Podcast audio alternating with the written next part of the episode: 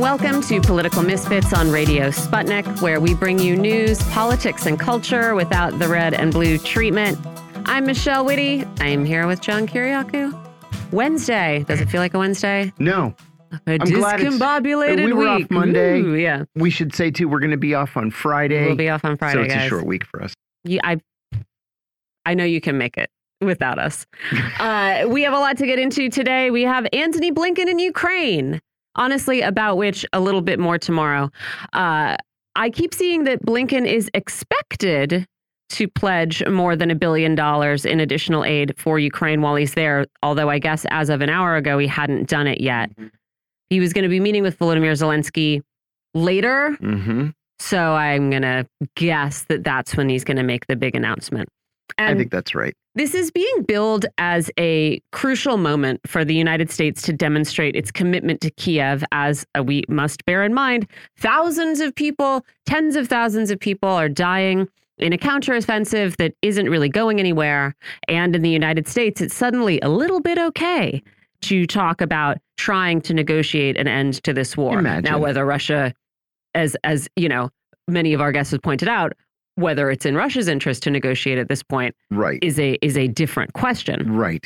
The Wall Street Journal tells us the commitment of this billion dollars will be welcomed not just in Kiev but in European capitals where leaders have doubted the US's staying power in Ukraine, fearing they could be left to shore up Ukrainian defenses without Washington's significant support as the war drags into its 19th month. 19th month.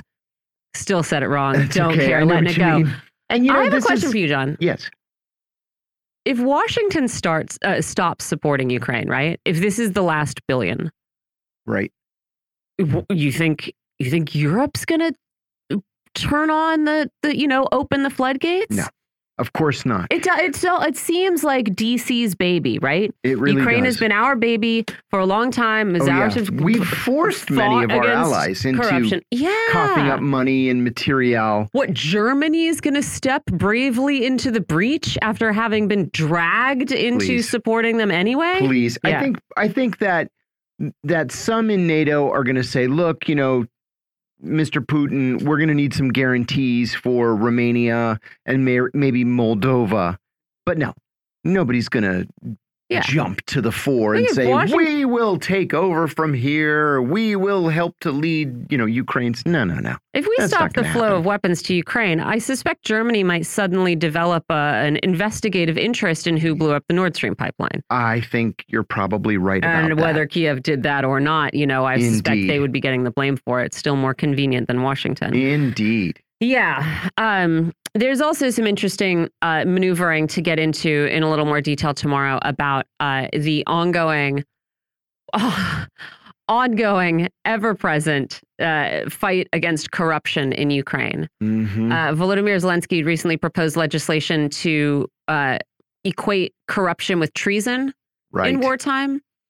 Uh, and this which gets sounds a little complicated. yeah, I mean, it sounds like a, a big, bold move. There are people who worry that if you start calling corruption treason, uh, these cases would follow a different legal pathway through Ukraine, and they would end up uh, instead of going through the prosecutor's office, going through the SBU, which answers to Zelensky. That's exactly right. So it could also present uh, an opportunity for Zelensky to to consolidate power hmm and protect who he wants to protect and leave out to dry who he wants to leave out to dry. We'll talk a little bit more about that uh, tomorrow and after we hear what else Blinken has to say in Kiev. Uh, we're also going to talk about the Chinese economy uh, and how bad it really is. And also, how come a, a year ago, two years ago, remember when China China locked down uh, quite dramatically Oh, yeah. over COVID and stayed locked down longer than many other countries? Yes, indeed. And at the time, the tenor of reporting on China's economy was China's putting all of us at risk. If China slows down its economy in the name of public health or whatever, this is a this is a threat to us. This is a threat to global well-being. How dare they? How dare they uh, endanger us in this Yes. way? yes. Now, it's it's yeah yeah China's economy is bad. You know, oh Yeah, now uh-huh. China's economic woes have no global import whatsoever, and we can just point our finger and uh, and laugh as Rahm Emanuel was doing uh, pretty caustically last week.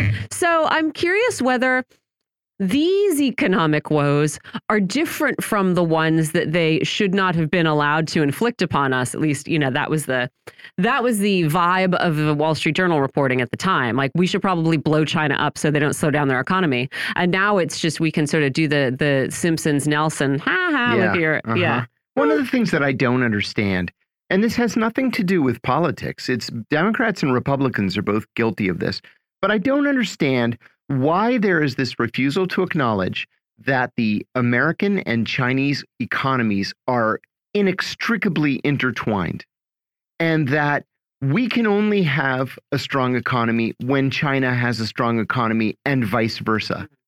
I just don't understand why there's no acknowledgement of this. But there never is. nope There's this attitude that we can go it alone anytime we decide that's what we want to do. And it's just simply not true. Uh, we are also uh, going to talk about immigration and why New York City and the White House are still fighting over it. There was Mhm. some reporting in the last couple of days about um, just how long in the making this breakdown between the White House and in particular uh, the New York City mayor's office has been Yes. uh, and for just how long New York has been expressing frustration. So we're going to talk about what New York is asking for, you know, what short-term policy solutions there are Mhm. uh, for what the city is going through, and whether the White House even has the power to give New York what it what it wants. We're going to talk about the DOJ's antitrust case against Google. We'll ask why U.S. Special Operations Forces want to have relationships with polling firms. We'll, of course, talk about the 22 year sentence handed to Proud Boys founder Enrique Tarrio. We will ask what a warming planet means for things like our sickness and our health. Uh, so we've got we've got a ton to get into. I also uh, worth mentioning, and we will probably follow up on this, but France has confirmed that it is talking with the new government in Niger over the future of French troops and how French troops, at least some of them, might be uh, removed from the country. Wow. which is what Niger has uh, has demanded for some time. So I think we're we're missing deadlines, but the conversation has at least started. There was some um, some report on this. You know, they they contextualize this by saying Niger might lose its anti-terrorism fighting force. I mean, again, like I feel like fundamentally, if you guys were doing a good job, Right. it wouldn't take a, a merely an ill wind Right. to uh you know to, to get you ejected from these former colonies you know lots of them are still using versions of the of the french franc oh, like yeah. Yes.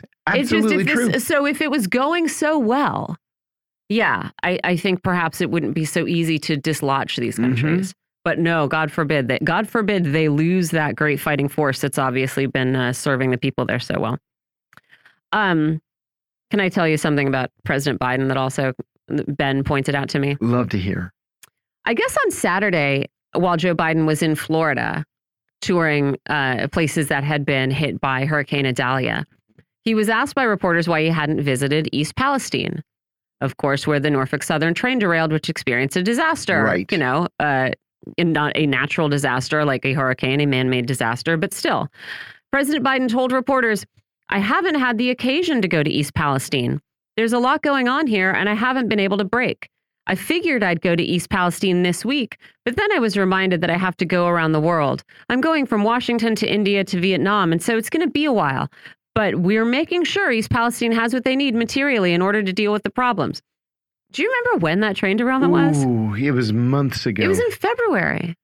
wow. And he's acting in like, oh man, I was about to go, but oh, I got to go to India. and how many go to times Vietnam. has he gone to his beach house in Rehoboth? Exactly. How many? Again, people should be able to take vacation. People should be able to take Totally parental agree. leave, right? Take a couple days sure. off. It's fine. Like, let's not all, Sure. you know.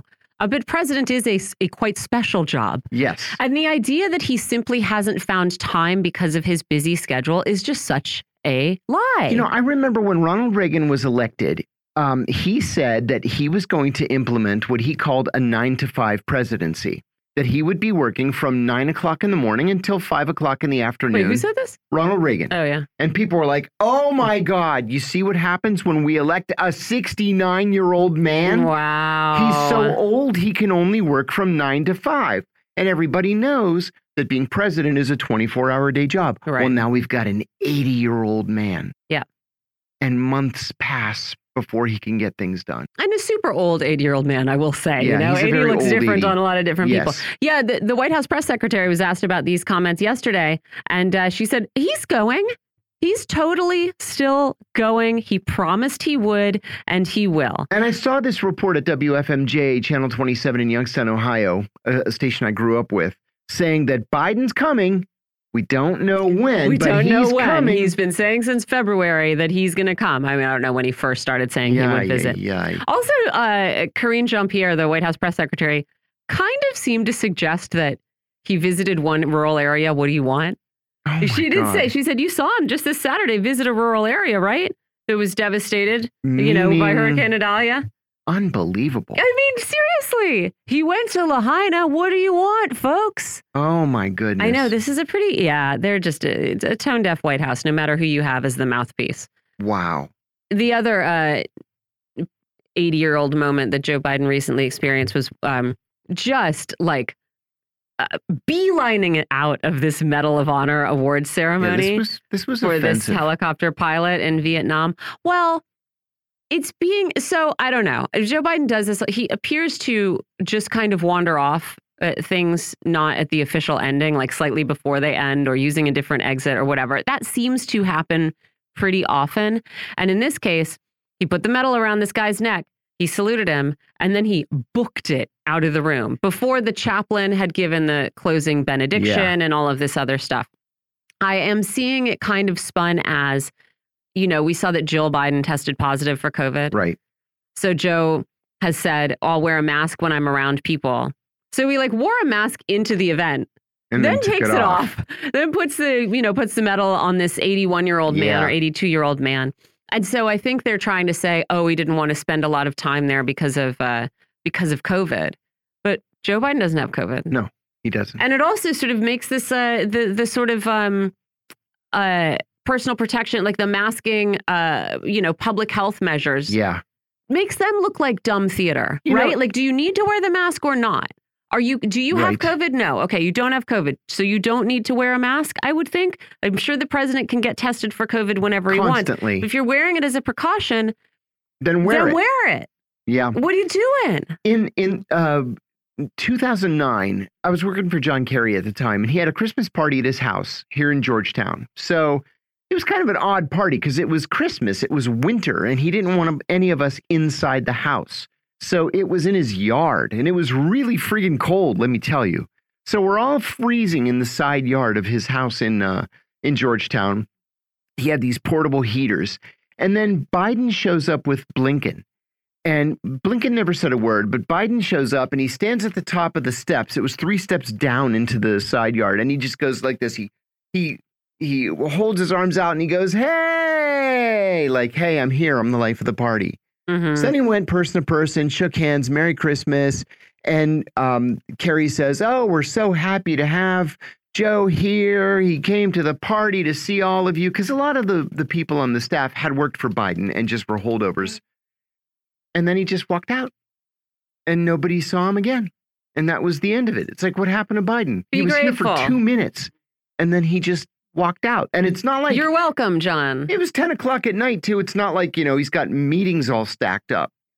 But yeah, exactly. You're welcome, John. You're welcome. He Well, graced me with his presence. Exactly. He, he, de- he deigned to shake my hand and say Merry Christmas and then vanished into the night. Yeah.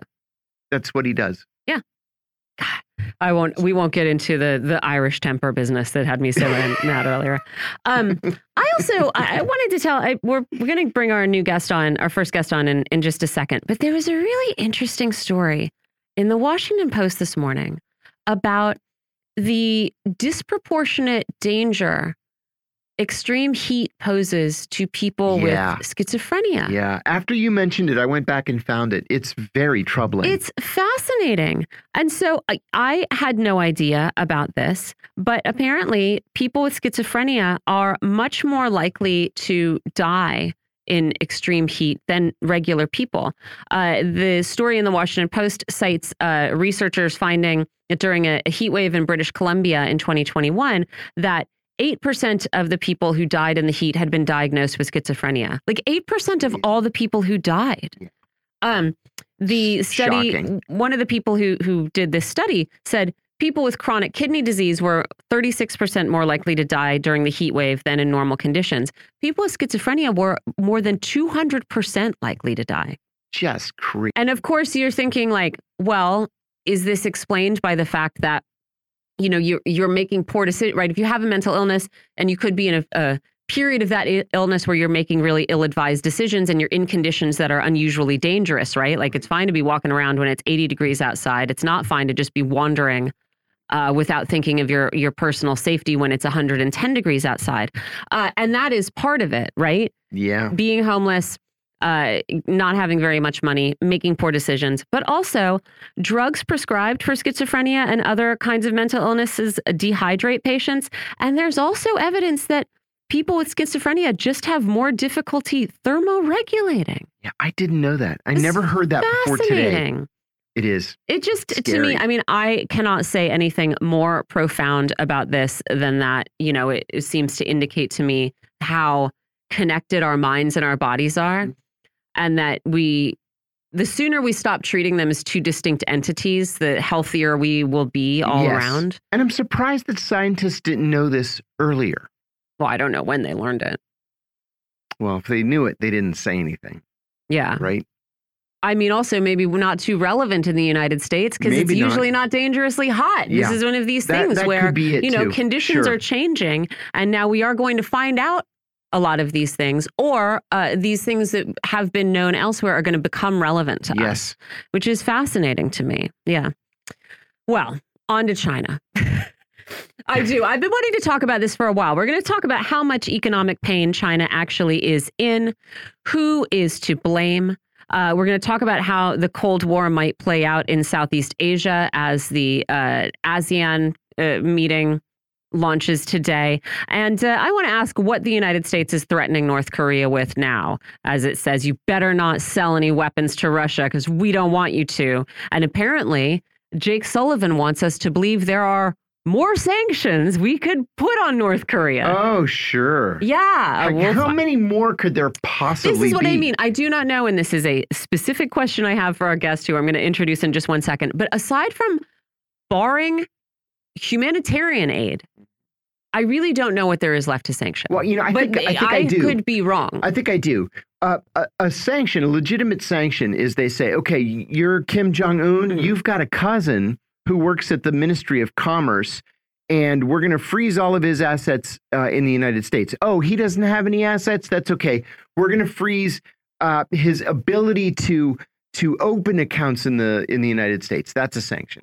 Can North So I Korean think we've officials gotten to the still point open of the accounts in absurd. the United States? Yeah, it just doesn't. It doesn't.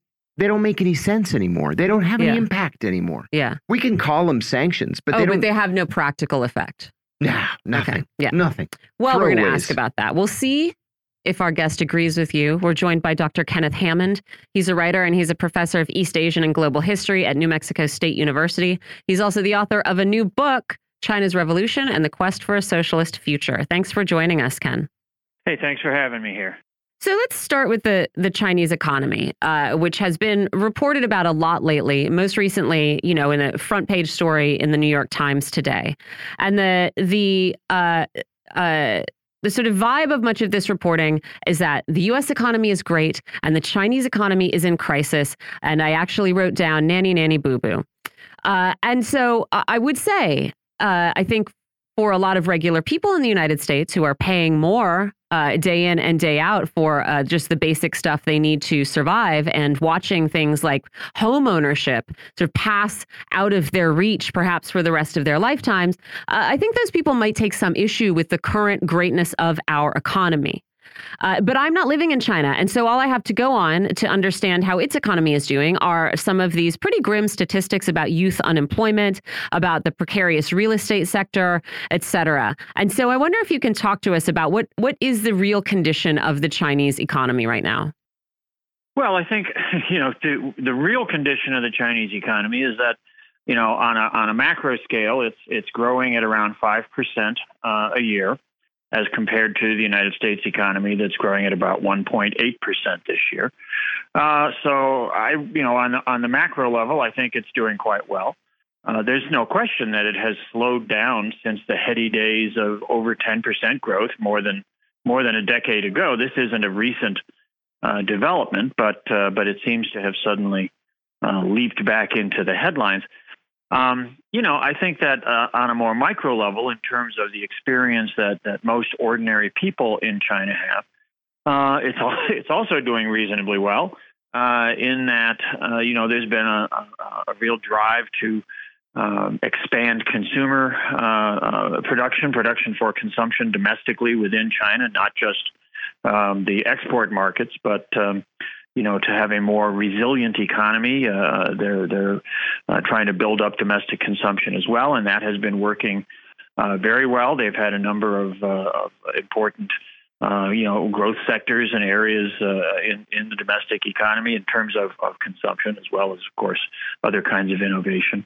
So, I think that that you know these these scare stories are are you know, largely meant to be part of the overall uh, kind of mischaracterization of China.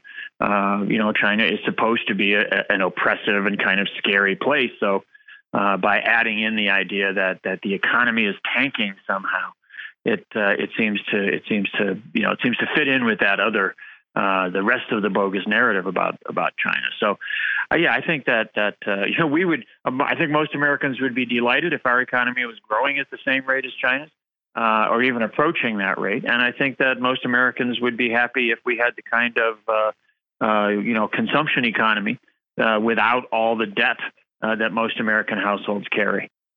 Can I ask then what you make of this shift in tone from the sort of pandemic and and recently post pandemic reporting to now. Because a couple years ago it was basically that China is putting us in danger by slowing its economy and that China is threatening us with its lockdowns that risk its economic health. And now it is just uh, thumbs up to Bidenomics sucks to be you Beijing. Is there any justification for this tonal shift uh, or is this a, just 100% sort of political and narrative shaping well, I think I think a lot of it is is uh, is narrative shaping, and I think when when you mention the uh, this the neologism of, of Bidenomics, um, you know, I, I, most of the media uh, from which these stories are are emanating is is is you know pretty much the mainstream liberal uh, media in the United States that that is uh, is hoping. Uh, that that Joe Biden will will live long enough to be reelected and actually be reelected. Um, and you know, so they're they're they're trying to paint uh, what is, as as you've already noted, you know, a pretty bleak economy here at home uh, in these sort of gilded uh, terms of, oh, gee, you know, we're we're just uh, there's so much great news about the American economy. Uh, I don't think most ordinary Americans uh, uh, either believe that news or certainly have that as their personal experience. But that is that is definitely being hyped. You know, as I say, uh, the the Chinese economy. It's not that it doesn't have challenges. There are challenges, particularly in the housing market. There, there's some challenges. Of course, they're facing obstacles thrown in their path by the United States in terms of technology and all that. But I think that that on any kind of real world basis, uh, you know that that the Chinese economy is doing fine, and so this is it's a mischaracterization that I again I think is part of both trying to boost the uh, the fortunes of of Joe Biden by suggesting not only that his economic policies here are great, but that look how much damage we've done to China, uh, you know, and and to to just make Americans feel that well, just to, to add to the story uh, of of how bad things are for China. The other aspect of a lot of this reporting is um, the the personal demonization of Xi Jinping. And I really was struck by how hostile uh, U.S. Ambassador to Japan Rahm Emanuel's interview was last week, where he said, um, among other like pretty challenging statements, that uh, China's economic woes have nothing to do with the United States that what China is inflicting on itself is worse than what any foreign interference could do. And the Times today, writing about China's economy, says that uh, it presents a test of Xi's fixation with control. Uh, the Wall Street Journal recently implied that, uh, you know, Xi himself is responsible for this downturn because of regulatory crackdowns on things like excessive borrowing and curbs on, uh, you know, big technology. And so I wonder, you know, what what do you make of this, and how much Xi Jinping personally is either responsible for China's economic state and can control its recovery? Well, you know, this idea that that any individual, even someone in a position such as, as Xi Jinping's, uh, is personally able to like somehow, you know, I don't know, flip magic switches or something that are going to make the economy, any economy, do things uh, according to their their sort of micromanaging will. Uh, that's just a ludicrous, uh, you know, interpretation of how economies work. Any any kind of economy. There's, you know, there's not there's not uh, he's he's not you know the man behind the curtain uh, in in Oz. He's he's the leader of a complex uh, organization, the, the, party and the government in in China, uh, trying to manage a vast, complex, uh, often self contradictory system. That uh, you know that is it, has got to be an amazing challenge. I think that that Xi Jinping deserves a lot of credit for for what he has done and the directions in which he has taken China but uh, I don't think it's it's it's at all reasonable to suggest that this is something that that he somehow has has has brought about. I think that um, you know uh, Rahm Emanuel's comments are are they're part. It's it's like President Biden uh, in that speech he gave out in uh, California a couple of months ago. You know, uh, calling Xi Jinping a dictator. You mm-hmm. know, it's it's this demonization. It's this idea that again, it's it's aimed at the American people. It's aimed at, at an audience uh, to to make Americans fear China. Oh, they have a it's a dictatorship. You know, it's their people can't people aren't free.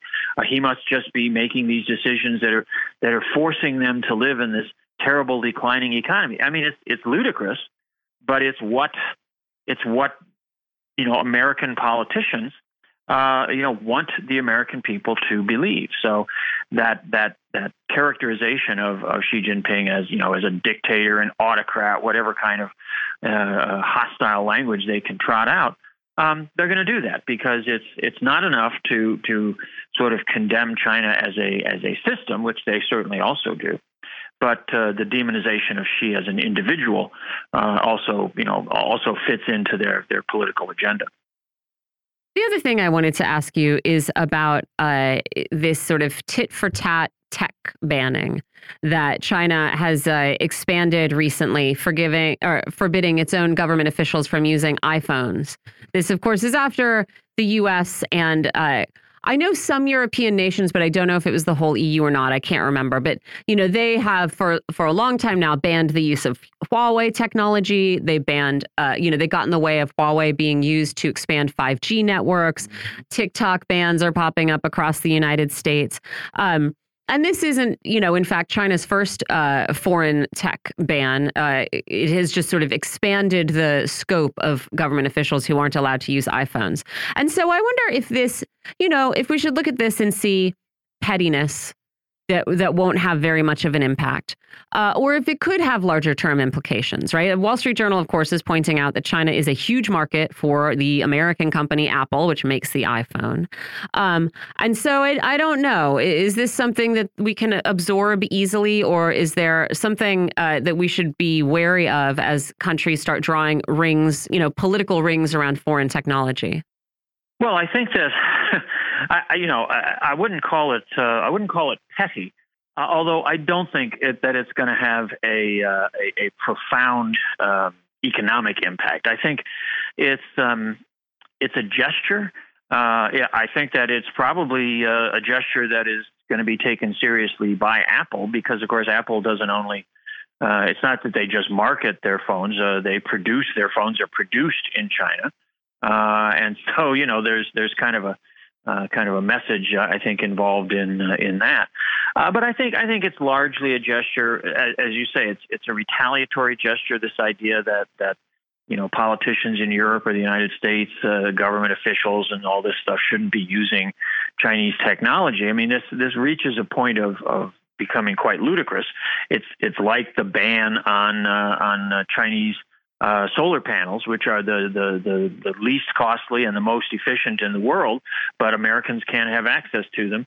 I can't imagine that that's based on on a security concern. What are they? Are they spying on us with their solar panels? That's mm-hmm. ridiculous. You know? but it's the kind of uh, it's the kind of thing that's that that's so comprehensive and so short sighted. So I think this is a gesture just to say, look, this you know simply because like like the Wall Street Journal is going to say this is kind of this is kind of a ridiculous move. Well, so are the moves the United States is making. I think that it's it's kind of a, a reflection back to the United States of what these kinds of gestures, you know, how how they they really aren't all that all that significant. Something like this. Uh, but it's it's a as I say it's a signal, it's a message, just uh, I think to to communicate that point. I also want to talk about what is happening in um, Southeast Asia as the Association of Southeast Asian Nations meets this week. Uh, you have China addressing the group, uh, saying, you know, they're warning of a new Cold War playing out broadly in Asia and cautioning against, you know, picking sides and forming blocks. You have on the other side the United States uh, pursuing with some success exactly these blocks trying to get South Korea and Japan to to make nice with each other, you know, wooing Vietnam, wooing India, which is, you know, geographically a little bit distant but thematically the same. And then you have a foreign policy today with a story called Never Say Never to an Asian NATO. and I mean, I just wonder how are Southeast Asian nations reacting to this increasing hostility between the U.S. and China, and are they going to be able to remain uh, neutral or be forced to pick sides here? Well, I think that that of course they're not all reacting in the same way. They're right. you know, they're separate countries. They have their individual uh, governments and their histories and, and their cultures and all the you know it's a it's a diverse region in many ways. Mm. Um, but I think that, uh, and and there's no question that uh, I mean, you know, uh, President Biden uh, going off to uh, these meetings in India is also going to be stopping in Vietnam. That is a very high priority uh, diplomatic destination for him. a little ironic, given you know the history of the United States and, and Vietnam, but. you know, leaving that aside, because of course having a having a short memory is one of the virtues of American politics. Um, you know, I think that that it's it's it's unlikely uh, to say the least, that Southeast Asian nations are going to, you know, wholeheartedly and enthusiastically throw their weight in with, uh, you know, the United States, take sides against China. Uh, China is, for most of them, their largest trading partner. Uh, you know, the uh, countries, many of these countries share share borders with with China. Vietnam, Laos, Thailand. well, Thailand doesn't quite, but it's right up there. Myanmar. You know, these these countries you know, are engaged in economic development across their borders with China. Uh, you know, I think that that um, most some of these countries are likely to try to play that relationship uh, perhaps to, to enhance their, their position vis-a-vis China. You know that they snuggle up a little bit with the United States in order to, you know, uh, get China to say, well, you know, we'll we'll do a little more with you as well. Uh, you know that kind of that kind of maneuvering, that kind of, uh, of uh, playing back and forth. You know, that's uh, countries do that. It's not something that I think is particularly nefarious, but it needs to be seen for what it is, which is political maneuvering. Uh, but I don't think I don't think there's any likelihood at all. Even the Philippines, which is the country that has the sort of historically closest relationship. Of course, it was an American colony for 50 years, and you know, uh, it has it has been a, a, host for American military bases for for many years, uh, and is once again embracing that role. Even the Philippines is, uh, you know, pursues a, a very uh, balanced and cautious relationship. And and you know uh, their president, their recently elected president, has been to China already.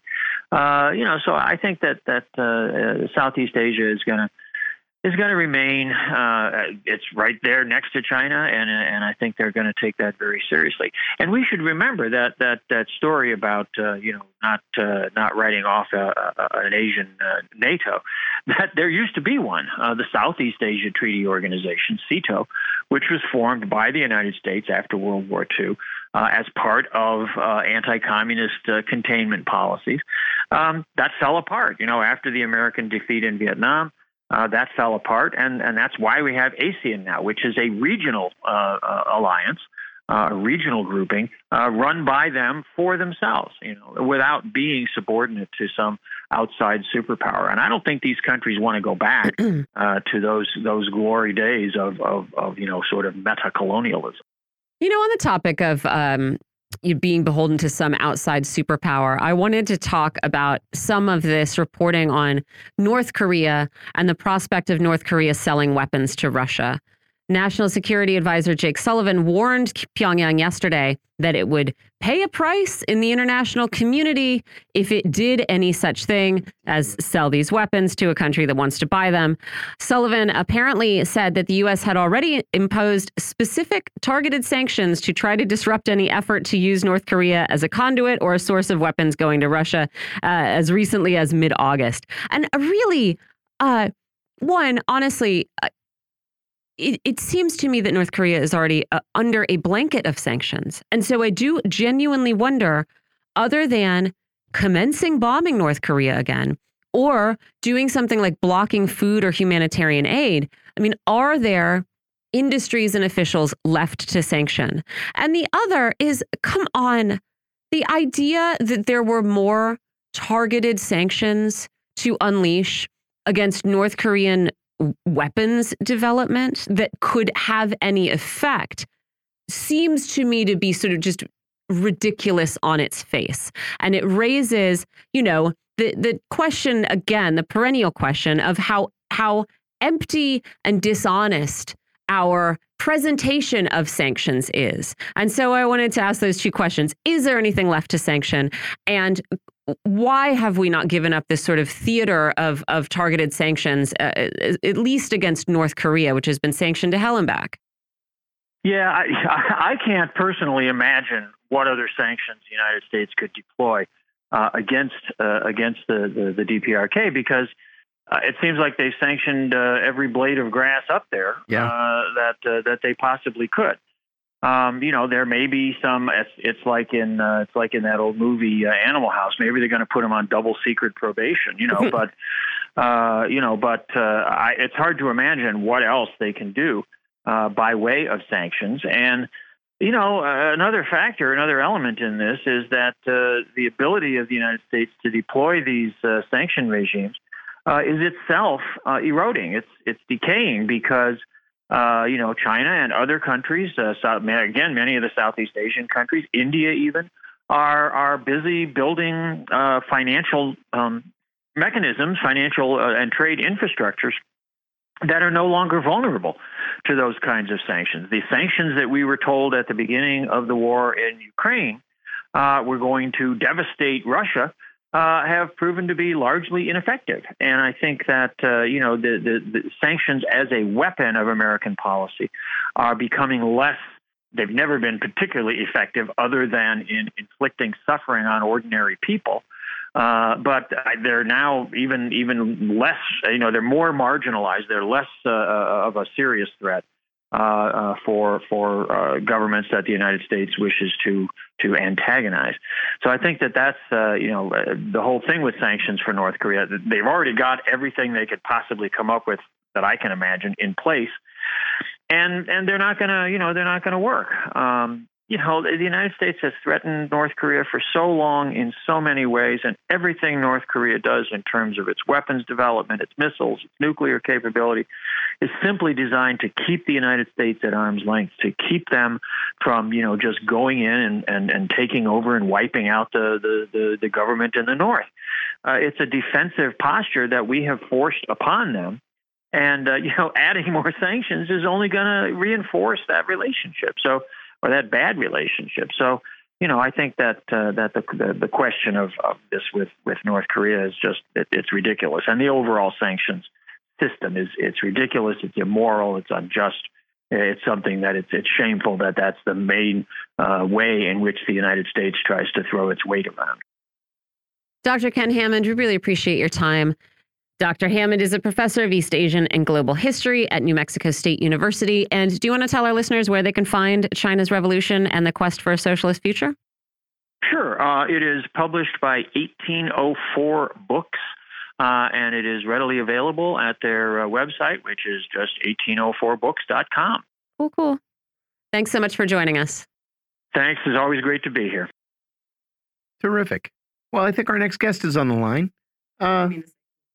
Uh, so I think we're going to go straight into it. The the Economist, which is kind of the the right of center neocon, you know, economic publication of the UK and the US. Uh, last week published a poll showing that the military coup that took place in Niger was overwhelmingly supported by the governments of neighboring Mali, Ghana, Nigeria, and the Ivory Coast, as well as by citizens living in those countries. That's modestly interesting, kinda, sorta. But what The Economist didn't say was that the polling company, a company called Premise Data, was exposed by the Wall Street Journal two years earlier as being a covert surveillance platform for U.S. special forces related to the collection of human and signals intelligence and carrying out information operations. Premise Data, meanwhile, is suing a former employee for having the unmitigated gall to tell the Bill and Melinda Gates Foundation that the company was acting as a cutout for U.S. intelligence. I think that's fascinating. Meta, the company formerly known as Facebook, said that it would overhaul its so called dangerous organizations censorship policy. That policy is based around a secret blacklist of people and groups and their supporters who are blocked from using Facebook and Instagram. Now, this is supposed to include terrorist organizations, drug cartels, rebel armies, really bad folks, right? Meta will now loosen up those rules on who can say what about whom. Not necessarily that they're going to allow these organizations to come back onto uh, onto Facebook and Instagram, but if you happen to be a supporter of them, you're now going to be free to talk about that. Kind of crazy. And it appears that Google and the attorneys general of 36 states and Washington, D.C. have settled a major lawsuit against Alphabet, the parent company of Google, alleging that the tech giant is a monopoly. Now, this is narrow, and we'll get to that in a moment. A federal trial in the case was due to begin uh, during the first week of November. With that said, Google is facing another federal case next week brought by the Justice Department and the Attorneys General of Colorado and Nebraska, as well as a third federal trial scheduled in the spring. The lawsuit that was settled today is related to Google's insistence that all app developers who sell their apps in the Google Play Store must pay Google 30% of all proceeds. And still another suit against Google, a fourth suit this one by game maker Epic Games and Match.com is scheduled to go to trial in early November. It must be nice to be like the richest company in the world, owned by the richest people in the world, because it doesn't matter when you get sued. You just uh, sick your army of lawyers on them. Yeah, life is good when you have billions upon billions of dollars. Except for that hole where your soul should be. That's, yeah, then there's that. So uh, we're going to be joined, or we are joined, I should say, by Chris Garaffa. Chris is a technologist and the co-host of the Covert Action Bulletin podcast. We're always happy to have you, Chris. Thanks again for joining us. Oh, it's so great to be back on with you for uh, to talk about all of this and hopefully make some sense of it. Gosh, I hope so. It's it, uh, there was a lot of head shaking on my part as I was reading this stuff this morning. So let's start with this company called Premise Data. I never heard of this company until today. It purports to be an international polling organization, much like Gallup. Gallup, of course, is the biggest international polling group. They're they're active in just about every country on the planet.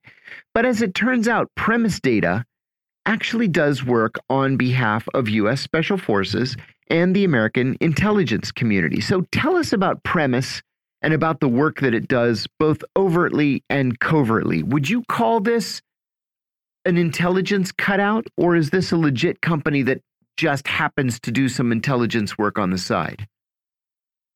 Well, I think in the eyes of the state, is there even a difference? Oh, they go. rely so much on these private companies to gather the information that uh, that they use, whether it's the the military apparatus itself or the intelligence services, uh, the partnerships, the public-private partnerships that we have seen develop over the last few decades are immense. Uh, whether it's you know the NSA literally tapping you know data and phone lines at AT&T buildings or companies like this premise data who are paying people who don't know what's happening right uh, they're they're paying people to install an app and get you know you can do a micro task and these are people in some of the most oppressed countries in the world Right. so talking about you know afghanistan that is just has been decimated by decades of U.S. occupation.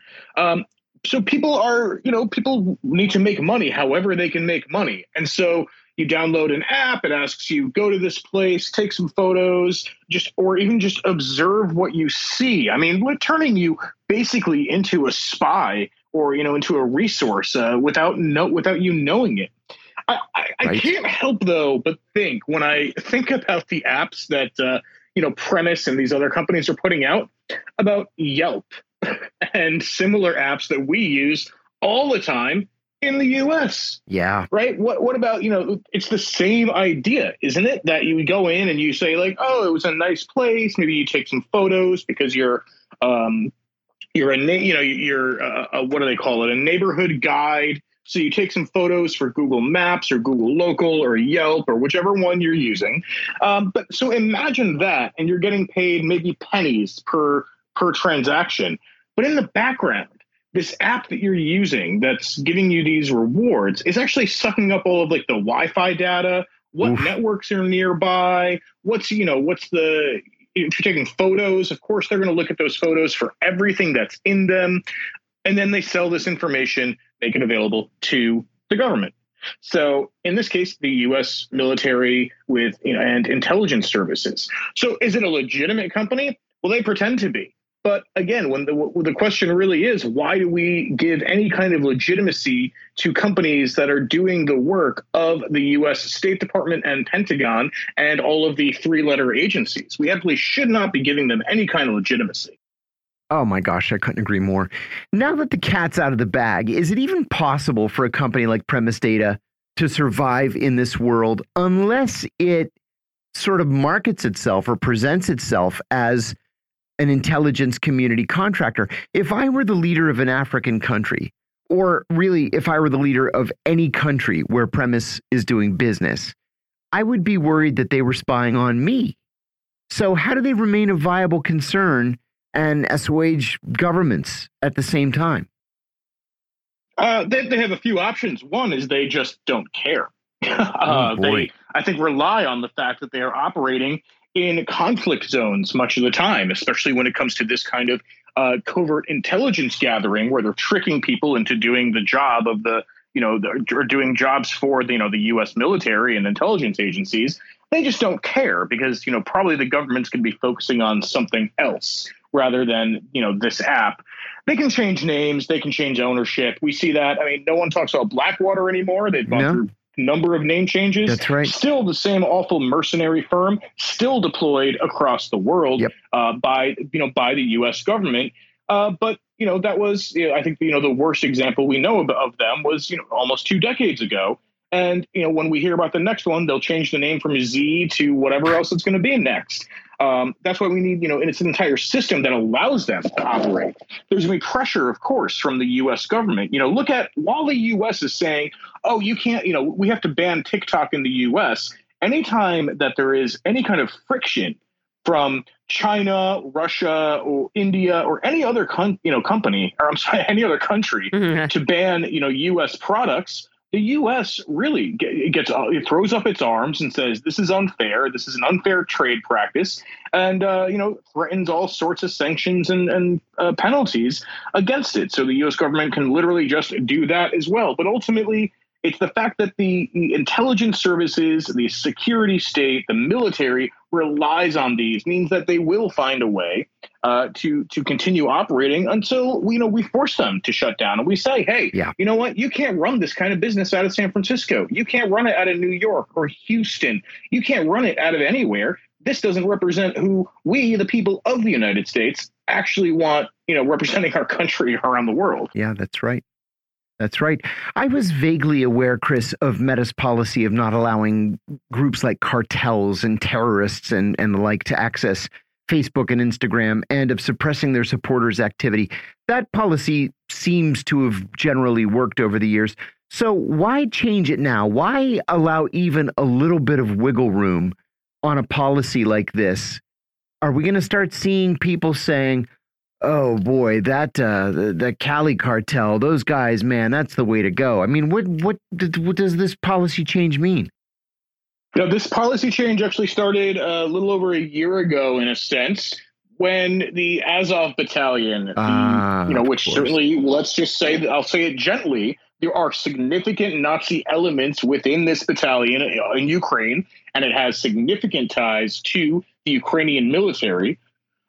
When so it, it, this policy started changing uh, right around about, about about a year ago, a little more than that, because of the Azov Battalion because of the neo, you know, Facebook knew that there were neo-Nazi sympathizers uh, and neo-Nazis within the battalion, but they were getting good press in the Washington Post, the New York Times, the Wall Street Journal. All of the Western media was saying, "Look at these Azov guys, you know, fighting back against Russia." Just you know, ignore the Nazi memorabilia and tattoos that we seem to be getting in every single picture of them. If you anytime there's a picture of an Azov fighter, there's a, a Stalingrad or there's a swastika or something. That's where this comes from. There, but there's also the reality that you can't have one set of rules made by an American company for a global community. So there's also that because it used to be okay, you can't talk about the Taliban, you can't talk up the Taliban. Look, the Taliban are now the government of Afghanistan, like it or not. And I think most people will say, no, I don't like that, justifiably so. But how do you, you know, you have to be able to recognize the fact that the government of the of Afghanistan is run by the Taliban, and you have to be able to discuss that. That has Mhm. to be able to be discussed, you know, with some of the the partners that they have in in that government. Whether they're, you know, certainly many unsavory characters for, for for many of us, you know, you know, here and for many people in Afghanistan, but that's the reality. So ultimately, the problem is that it's one Western company attempting to set the standards of who is allowed to be talked to or what they say praised uh, and who's not. Yeah, I think that's I think that's right on. Uh, can you walk us through, Chris, these various lawsuits again against Google? I didn't realize that there were well five of them, and now as of this morning, four of them. They all have the word monopoly hanging over them, but it seems that what it comes down to is the company's ability to charge other companies anything that it wants. So, are these really monopoly suits? Are they pricing suits? And do you think that we're going to see more out of court settlements like we saw this morning? Yeah, we're going to see some out of court settlements. I think uh, you know Google will try to make deals with, especially some of the various states that are involved here. I think in the the big one, the monopoly on search, I think they will fight that because they'll say, well, we're making deals, we're making partnerships with Apple and uh, Mozilla, who makes Firefox and et cetera, to be the default browser, and we we give them money and they you know they do that, but they you know these companies can say no at any time. So it's, is it really a monopoly? And Right. I think that that's a question that Google is going to uh, force the court to to answer and force the states to respond to. But if you know the other ones like this one with uh, video game uh, company Epic, uh, this has been going on for a long time. Epic is also actually suing. Uh, in the process of suing Apple, and they're actually going to the Supreme Court with this. That's been going on for two years now, because Apple and Google both take 15 to 30 percent of any sales uh, in of digital goods in the app. So when you buy an app from the App Store and you pay three dollars for that app, Apple and Google are taking between 15 and and 30 percent of that, depending on your volume as a seller. So let's call it at Google size or you know at Epic size, 30 percent. They're Yeah. taking almost a Huge. third. Huge. You buy something in that app. You buy, buy a digital good in that app, an upgrade for your fighter in this game, right? Um, not a physical good, but a digital good. Yeah. You're also paying 30% to Apple or Google. That's one of the things that they're fighting for. And that's really Google is avoiding this now because you can get other app stores on their phones. I'm, you know, I think the more interesting one is going to be Apple because you can only get apps from Apple's App Store on the iPhone. So Google's in quite a bit of trouble here, though. I think the big one is going to be, though, this the online search monopoly. Google is by far the largest search engine but the DOJ is so late on this. I mean, look, they sued Microsoft in the 90s Right. over browser monopoly. Right. Um, but the, you know, it's 2023. The majority of young people search on Reddit, Instagram, or TikTok before they search Google. Wow, or I didn't if they know do that. search Google, they search the word Reddit and then the name of the thing that they're looking for, rather than searching like Google News for it. This might be surprising to folks who are maybe not, you know, uh, younger Gen Z. Um, you know, if for many of us, you know, millennials uh, and older who grew up and said, you know, we're going to Google this. Right. People aren't necessarily doing that anymore. Oh, so I question the efficacy and the timing of this for sure. Geez, the only thing I ever use Reddit for, I I- I'm a little bit embarrassed to even say it, is I like to go through Am I the a hole? Oh yeah, it's That's the only thing I, I I use Reddit for. Not like slash foot pics or something. No, that's not for me. We could do an entire segment on uh, on that on MID a hole. We could absolutely do an entire show on that. That's a fun one. That's a good one. Chris, I, I also wanted to ask um, what other issues might Google have to defend itself on in in the future in coming lawsuits? You mentioned uh, and I think this is right on point. You mentioned Microsoft. We were talking about Microsoft in our uh, editorial meeting this morning in the early 1990s, at the very beginning of the Clinton administration. Uh, judge Thomas Penfield Jackson, a federal judge here in Washington, um, said that he was that he was planning to break up Microsoft, and then he made the mistake of saying that, thinking that he was off the record in a talk at Yale Law School, and because he said it before the decision was actually handed down, the uh, Court of Appeals ruled that that um, he was biased. They took over the case. Microsoft won the appeal, and Microsoft was not broken up. So we haven't really seen a giant monopoly broken up probably since I'm going to say AT&T, which was what 15 or 20 years earlier. So is Google going to have to worry about any of this? No, I, I, I don't think Google's worried about being broken up. I, I think that uh, all of these calls to break up to break up the big tech companies. Well, honestly, if you you know look at the family tree of AT and T and how it's effectively come back together Yeah, uh, It has. the breakup to now.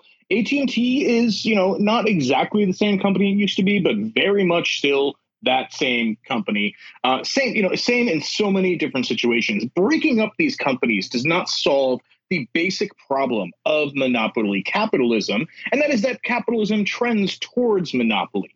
It is how they, at, at- a point, make that profit. So it's actually not going to be a solution. Uh, it's you know liberals like Elizabeth Warren and even Bernie Sanders love to talk about it as let's break break up big tech.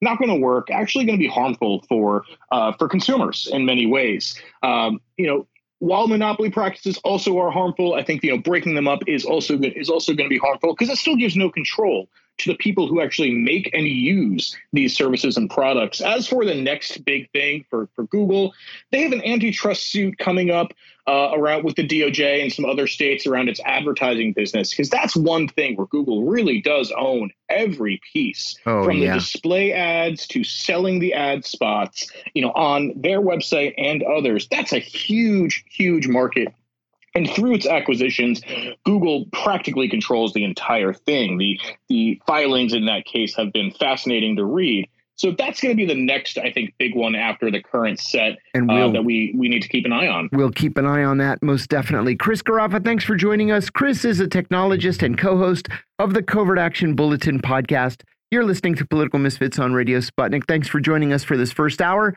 Stay tuned through the break. We have another hour coming up.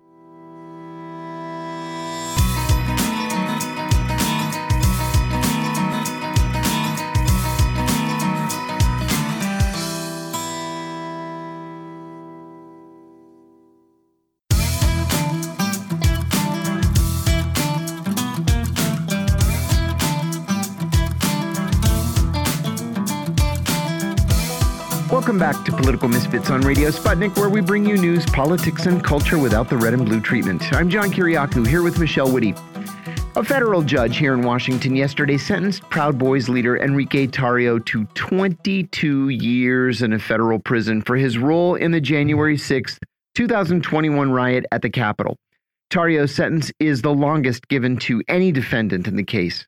Federal Judge Timothy Kelly said that Tarrio had broken a long democratic tradition of peaceful transfers of power.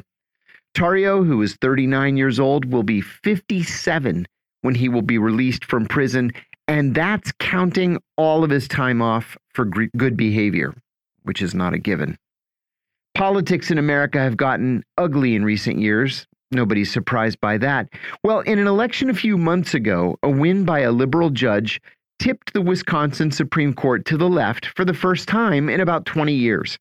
As a result, Republicans who control the state legislature in the state are preparing to impeach the new judge, that's Justice Janet Protasiewicz, before she has even heard a single case. It's a last ditch attempt to stop the court from ruling 4 to 3 to redraw Wisconsin's congressional map, which currently strongly favors Republicans. It appears that Republican New York Representative George Santos is engaged in plea negotiations with the Department of Justice over accusations that he committed fraud. Prosecutors in the Eastern District of New York filed paperwork yesterday indicating that they intended this week to file a batch of new evidence against the first term congressman, and they asked for an extension to allow Santos time to review the new evidence against him.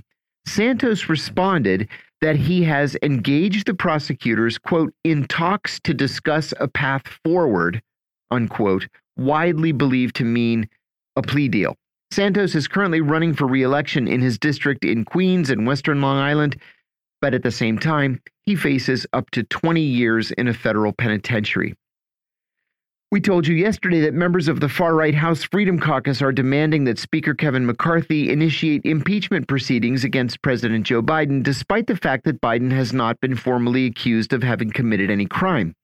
Yesterday, Freedom Caucus member Matt Gaetz said that those impeachment proceedings will indeed begin soon, and that if McCarthy stands in their way, he will be ousted by the by the Republican Congress. Uh, sorry, the Republican caucus.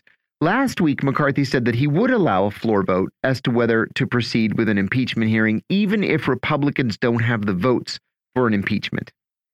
Politico is reporting today that of Governor Ron DeSantis's 50 biggest donors to his political action committee a year ago, only 16 of them are still donating. Many, including former Illinois Governor Bruce Rauner, have dropped DeSantis in favor of other candidates, concluding that DeSantis peaked too early.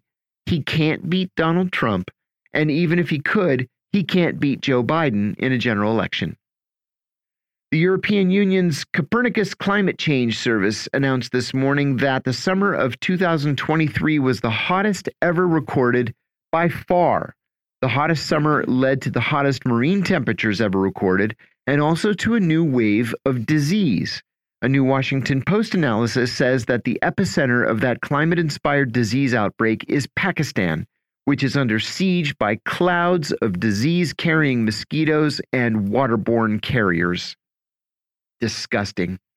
We're joined by journalist and writer Daniel Lazare. He's going to help us sort through these issues. Dan, welcome back to the show. It's great having you. Thanks for having me. Thanks for joining us. Let's start with the, sen the sentencing yesterday of uh, of Enrique Tarrio, the Proud Boys leader, to 22 years in prison for what the courts are calling conspiracy or seditious conspiracy and these related charges. This, in my view, is a draconian sentence. And because the federal government does not have parole, uh, Ronald Reagan outlawed in, in 1986, Tarrio is going to have to serve 85% of the sentence with good behavior. So he'll be nearly 60 years old when he's released. I'm having trouble wrapping my head around the lengths of some of these sentences tied to January 6th. The average murderer, I looked this up today, the average murderer in the United States gets 15 years. And a life, quote unquote, life sentence in the European Union means 17 years. And that's if you serve the whole thing. Is the purpose of such long sentences for January 6th defendants really deterrence, or is there something more to it, something more cynical?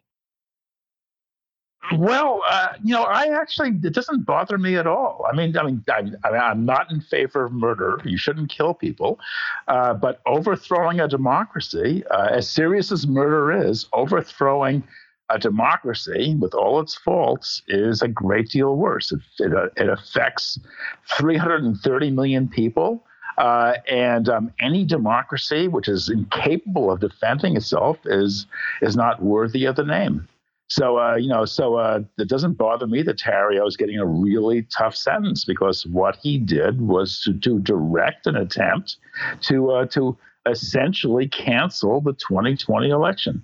You know, and, and what two things I think stand out about this. You know, one is the fact that that Tarrio was himself a lengthy uh, FBI informant, apparently a very oh, yeah. active, long time FBI informant, yes.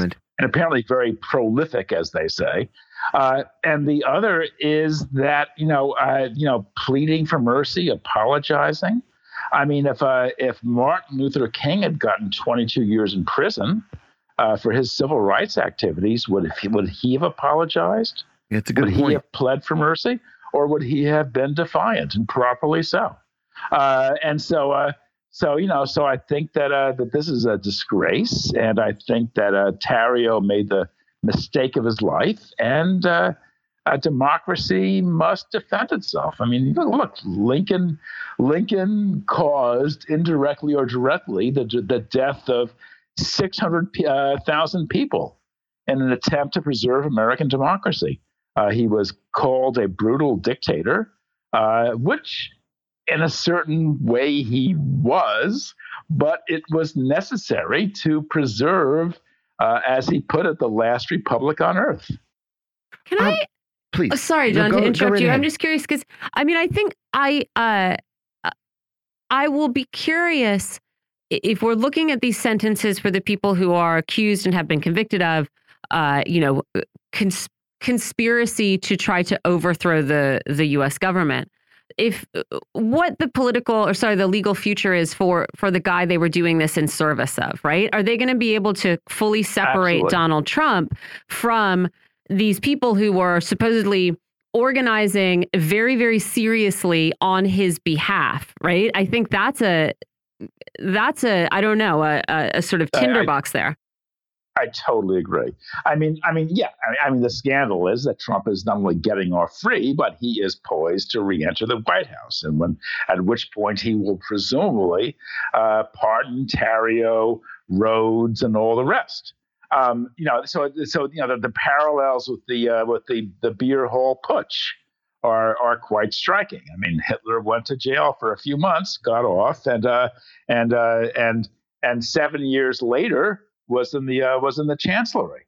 So uh, so um, Amer- American American society is in deep deep trouble, but I, I don't want to turn that in any way to a, a defense of the of the likes of Enrico uh, Tarrio.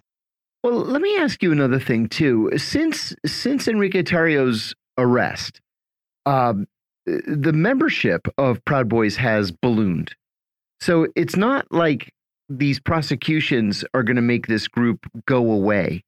What do you take from that? Uh, are we looking at a group that is going to be part of the the mainstream right wing now, or are we looking at a group that is an insurgent group, let's say, or could become an insurgent group, or or uh, or something that could turn violent?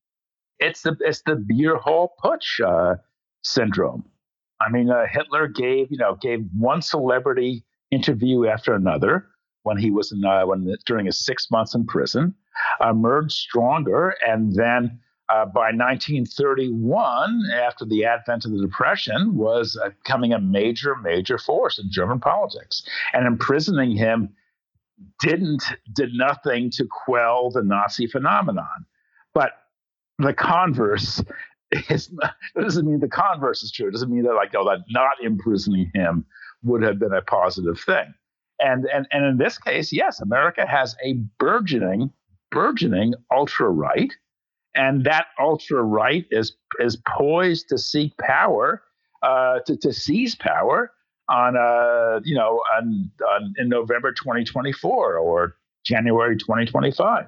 Uh, and all the odds at this point seem to favor it. And curiously enough, everything the federal government does to repress it seems to exacerbate it. So America is really pitching downhill. I want to um, move on and talk about Wisconsin, uh, which is becoming more and more interesting to me. Yesterday, we talked on the show about a Washington Post analysis saying that uh, in 19 in the, the election of 1936, there were literally 25 battleground states out of 48 states. Now there are four battleground states. So we we pretty much know which states the Republican nominee is going to win, and we know which states the Democratic nominee is going to win. And there are only four that are toss-ups. Those four are Wisconsin, Nevada, Arizona, and Pennsylvania. Uh, Wisconsin has a new Democratic governor. It has one Democratic senator and one Republican senator. It has a majority Republican congressional delegation and a Republican state legislature, but it has a Democratic Supreme Court. So, on the surface of things, this looks like a recipe for gridlock. But Republicans now are planning to impeach the newest Supreme Court judge, justice, who's a progressive woman. She has not yet heard a single case, but they're going to try to impeach her anyway to get her off the court so that she can't side with the other three Democrats to redraw the, con the congressional district boundaries in the state. Um, in, in my view, this is this is exactly what's wrong with America right now, and this is probably going to end up in federal a federal suit, and it's going to probably go to the Supreme Court. But anyway, tell us about Wisconsin where the state is going in the next year politically and how this situation gets resolved. Can you see an actual impeachment for somebody who's not been accused of having committed a crime? Oh, I, I, I, can see an impeachment. Yeah, I mean, how it will go. I mean, look, the, the the trouble is the American system is just breaking down, and and and the the it's so extraordinarily complex that it offers both sides, you know, you know, inestimable opportunities to to wreak havoc, to to to uh, to um, to screw things up, to delay, to obfuscate, et cetera, et cetera. The, the public throws its hands up in dismay. I mean, Janet Protasiewicz won by 11 points. I mean, it was big. She won decisively. Yeah, it was front page news across the country. Yeah, and you know, and she's and she, you know, she got the progressive vote sewed up. You know, whether the uh, you know people people who want to preserve abortion, who want to stop this Republican craziness, um, but at the same time, I mean, the machinery lends itself to this kind of obfuscation. Uh, so, so I presume the Republicans will, will proceed with impeachment. I presume it'll wind up in the courts. I assume the you know it'll you know the the furor will go on for months and months and months. And what happens at the end of it, what you know, how voters sort this out is a complete unknown. But there's a good chance that they'll wind up completely discouraged and turned off by this. And there's also a good chance that they will be so turned off by the Democrats, by Joe Biden, right. and and the way the Democrats are really, I think, collapsing, that they may well wind up in the Republican camp. But this is completely unpredictable. I don't know. These events are so, so tumultuous that I think yeah. I think making any kind of prediction is totally foolhardy.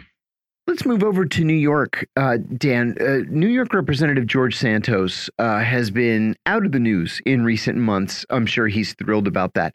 Until today, uh, the Justice Department is preparing a discovery dump on Santos today, and it's asking for a delay in court proceedings against him so that his legal team has time to absorb all this new information. Santos then tweeted that he's in talks with DOJ. DOJ. That means plea negotiations. He's facing multiple felonies related to fraud, and fraud convictions always, always end with prison time. Always. Is that where you see this going? I certainly looks that way. I mean, Santos is a bizarre character. He sure Uh, is. he is a he is a uh, a real psychological case. I mean, this man has lied about absolutely anything and everything he could lie about, from his, his ethnic ancestry to his to his resume, his edu- his edu- his educational background. I mean, there is nothing this guy this guy seems to be incapable of telling the truth. I mean, it seems to be that if you ask him, you know, is it raining outside, he'll lie.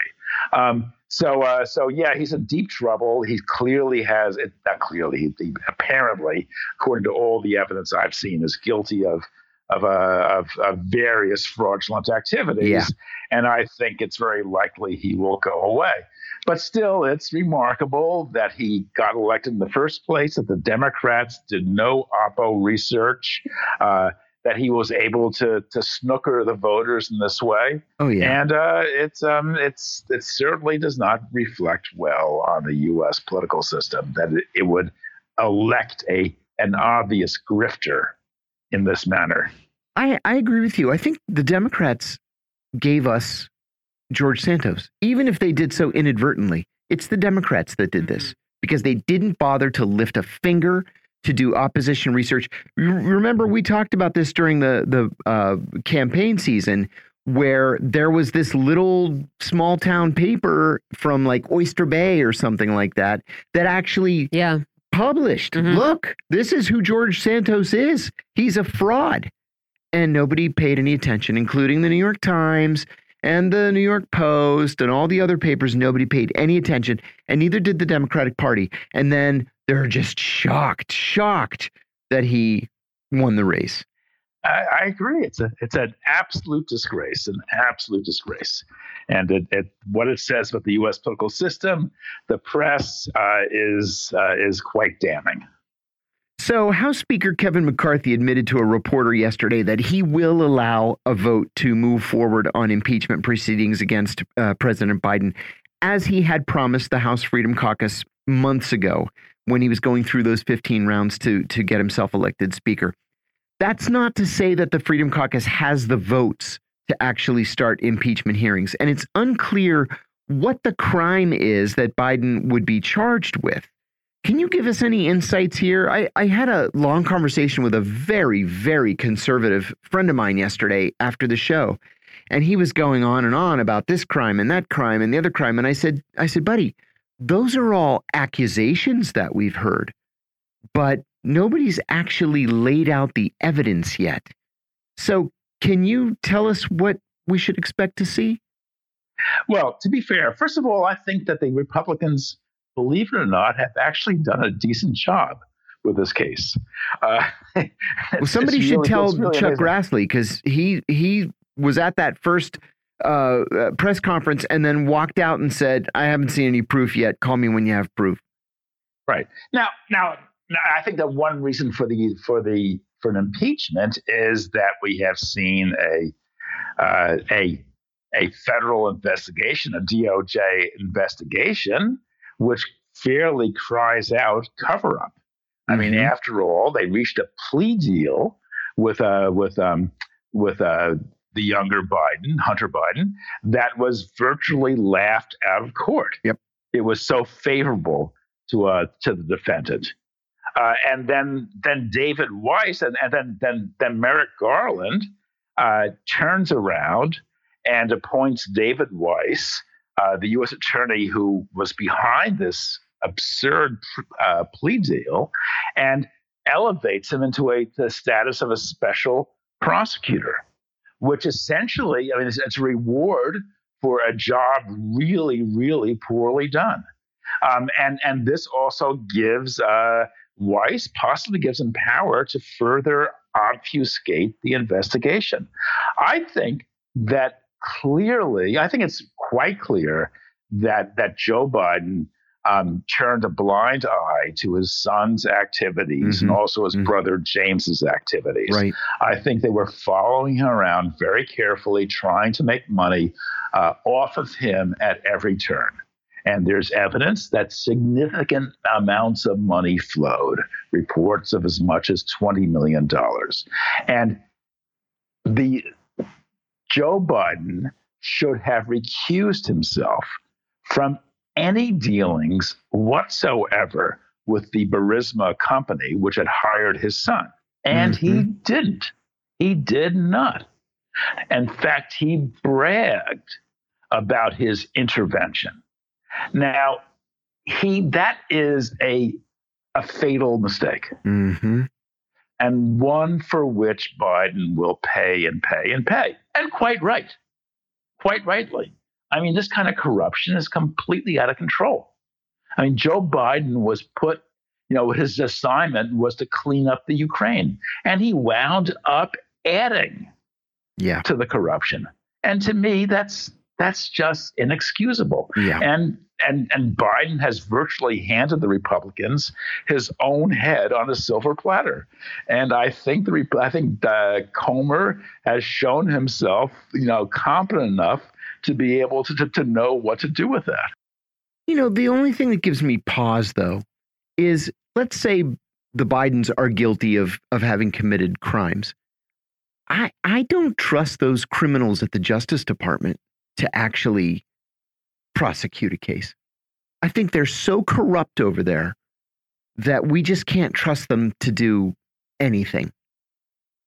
which speaks in favor of an, of an impeachment, which speaks in favor of the of Republican members of the House conducting their own their own investigation and uh, and filing their own indictment, Mhm. which is what a which is what an impeachment vote would amount to. Right.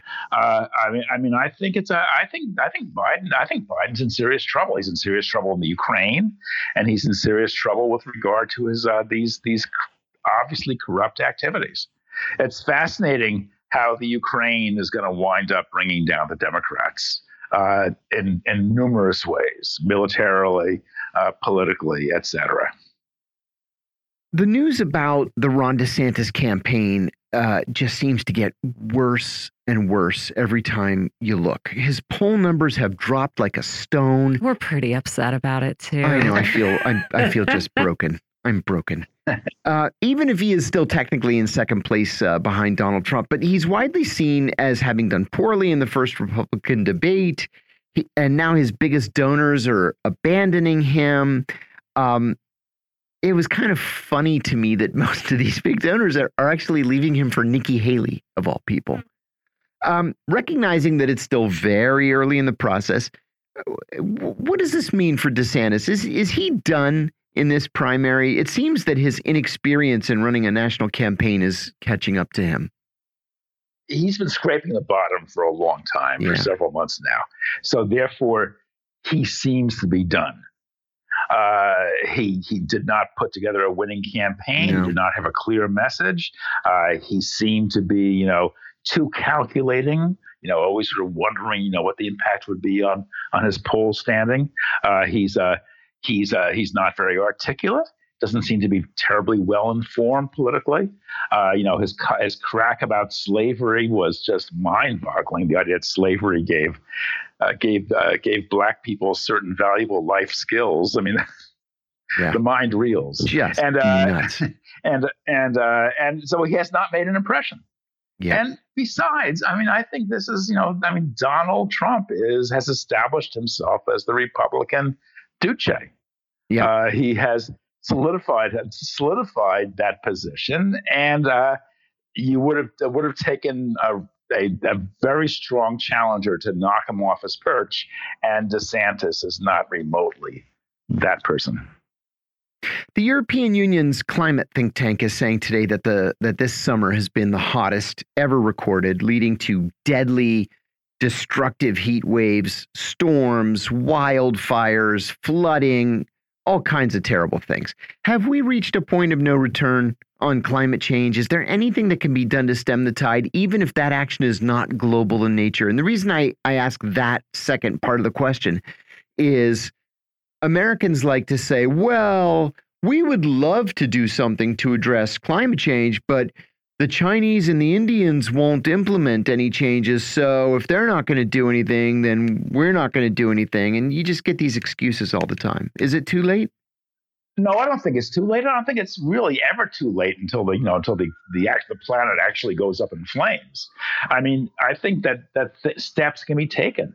Uh, I think um, I, I think uh, we, we we have an anarchic, balkanized global political structure, and that structure is clearly incapable of responding uh, to this uh, this crisis in a coherent way.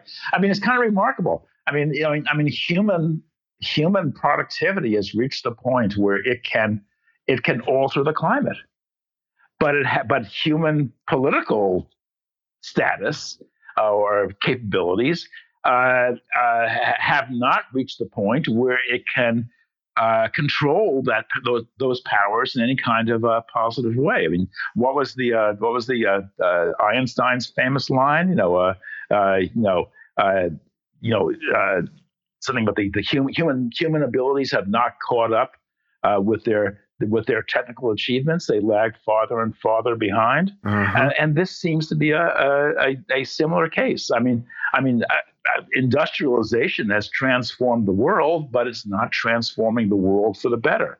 And actually, as somebody who is a kind of a techno optimist in a critical sense, I believe that it can be used to to um, to alter uh, to to achieve a positive outcome but it requires a kind of an international uh, push that is simply beyond the global system as it currently exists.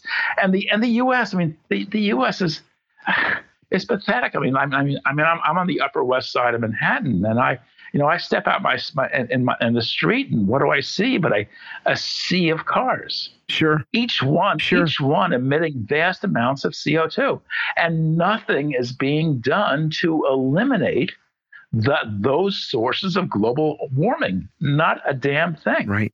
And and the and the the, the sea of cars gets you know there are there's something like 1.6 million billion billion with a B uh, uh, uh, gas powered uh, motor vehicles mm-hmm. on the earth today. Mm-hmm. Uh, uh, of which a t- the tiniest fraction, a, a, tiny fraction are, are are EVs, electrical powered. Right. But um, but uh, you know, and and and that that number keeps growing and growing and growing, and that's like you know, that's like just like you know, holding a gun to your head, uh, head and firing off one round after the other. Uh, it's, I mean, something has got to stop this, and and and no government on earth remotely has the ability or the desire mm-hmm. or the capability of uh, of addressing this problem in a coherent way. Finally, I want to ask you about this Washington Post analysis today that says that Pakistan is ground zero for climate change related disease. Um, malaria and other mosquito borne illnesses are spreading there rampantly. Other countries with severe temperatures and substandard medical care, um, countries like India, Bangladesh, Iran, Myanmar, are going through the same kind of thing how does the world or how does the industrialized world help poorer countries to try to mitigate these these climate changes that lead to disease? Uh, well, first of all, they can't do anything until they mitigate their own their own climate yeah. change activities. Yeah. Number one. Number two, it's fascinating that that that Pakistan is the epicenter for two reasons. One of it, one of which is it is a a classic failed state and probably the most important failed state on the face of the earth, the population of hundreds of hundreds of millions of people, and uh, and number three, it's a long time U.S. client. Yep. Yep. So so what does that mean? So the, so the U.S. has promoted a failed state, which is now an epicenter for all these these terrible effects caused by by global warming.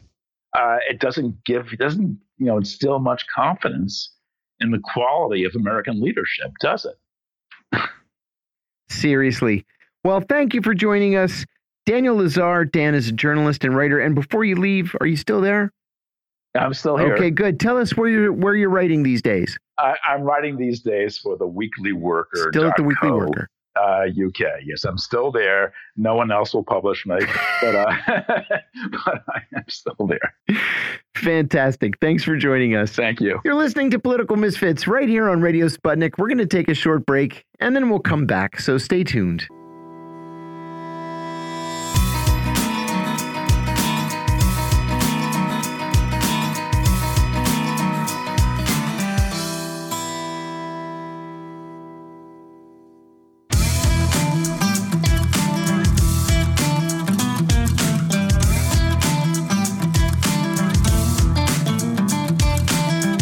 Welcome back to Political Misfits on Radio Sputnik, where we bring you news, politics, and culture without the red and blue treatment.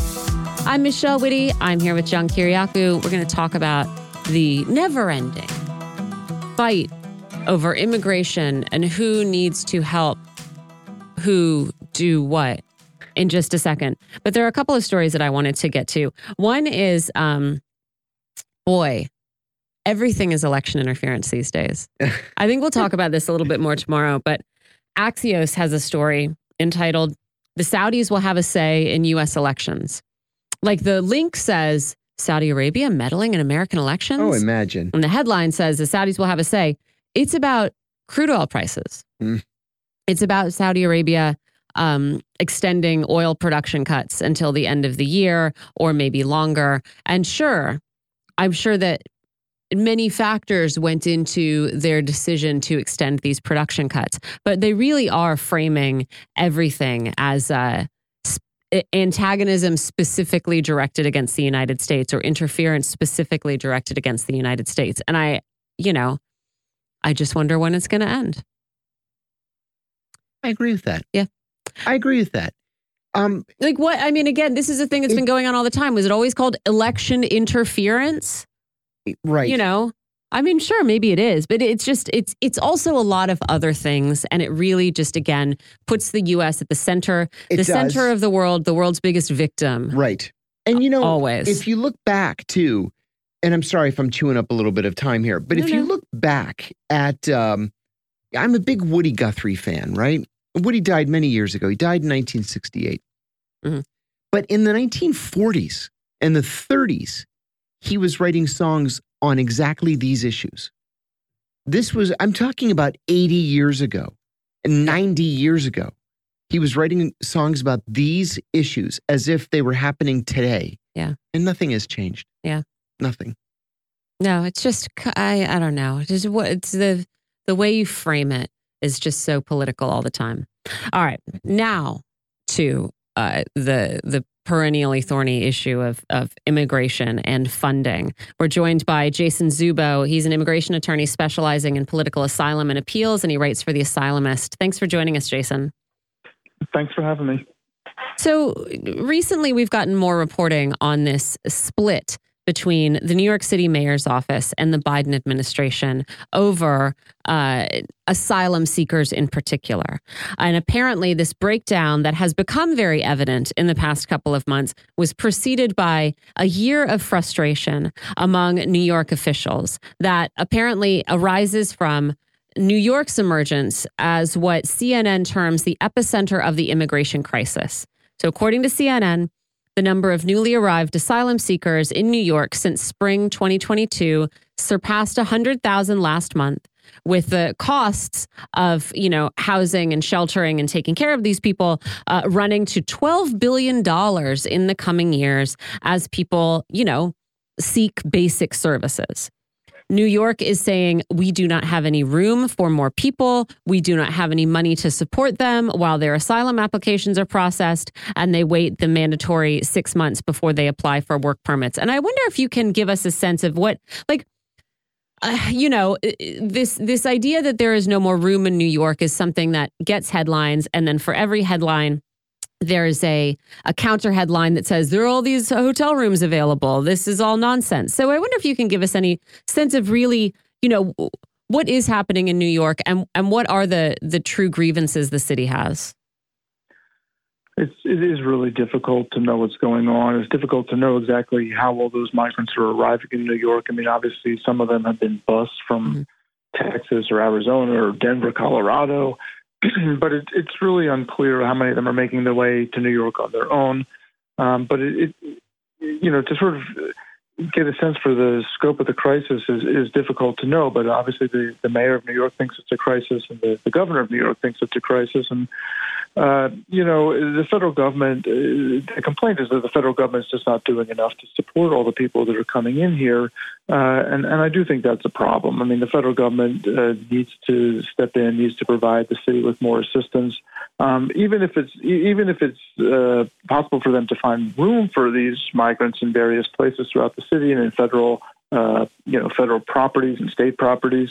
Uh, there's just still the issue of the political part of this, which I think Republicans are taking advantage of. And I do think that's a big piece of this. It's a big reason why migrants are being bused to New York and to other cities.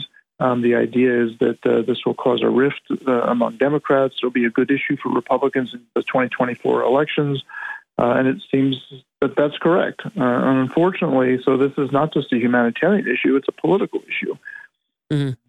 Yeah, and the the things that New York is is asking for again are, are political, right? They, they're asking for asylum seekers to be able to get work permits quicker so they can start supporting themselves, as of course I assume most of them want to do. New York Governor Kathy Hochul just a couple weeks ago reiterated that call, but again.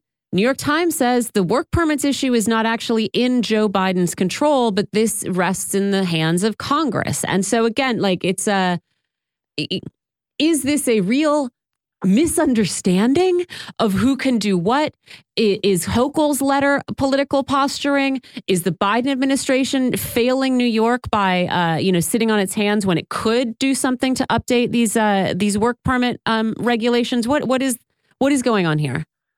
Well, the regulations, so for people who are seeking asylum, the, the, law, not the regulations, but the law passed by Congress says that a person has to wait 180 days uh, before they can obtain work authorization. The regulations say that you're allowed to file the work authorization application after 150 days, with the idea being that uh, it takes at least 30 days to process that application. So by the time a decision is reached, you'll have passed the 180 day mark. And, mm. and these days, uh, work permits are being processed.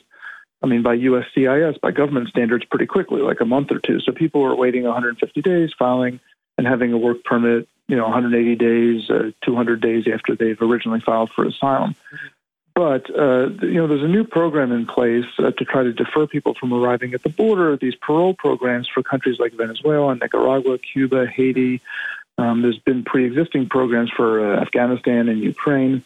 And so when people come in through these programs, they can get work permits more quickly. Uh, and so potentially, like as more people, uh, migrants, uh, come through these programs rather than arrive at the border and seek asylum immediately, uh, they will uh, get work permits more quickly. So potentially, that's one way to alleviate the problem as we see more of the migrants coming through parole programs rather than just arriving at the border, entering, and then filing for asylum. Mm-hmm. Because the parole program, uh, there is a way; it comes with the ability to seek work permit without waiting the 180 days. So that's a possibility. I mean, right now at this point, uh, most of the migrants from Central, from Venezuela, from Central America that qualify, uh, they uh, are not people who entered under the parole programs. Those programs just began a couple of months ago. So we may see a shift in this over the next few months, and that may help. Uh, but otherwise, in terms of asylum seekers, the Biden administration is pretty limited. I mean, they're limited by the law. Unless Congress changes the law, the 180 day rule stands. Now, the, the governor and other people have suggested, well, maybe the Biden administration can offer uh, a, a, temporary protected status, which is a, a, designation that the Department of Homeland Security can give to migrants from certain countries that are facing crises. Uh, and, and, that's sort of questionable. I mean, first of all, uh, it takes time to implement such a program.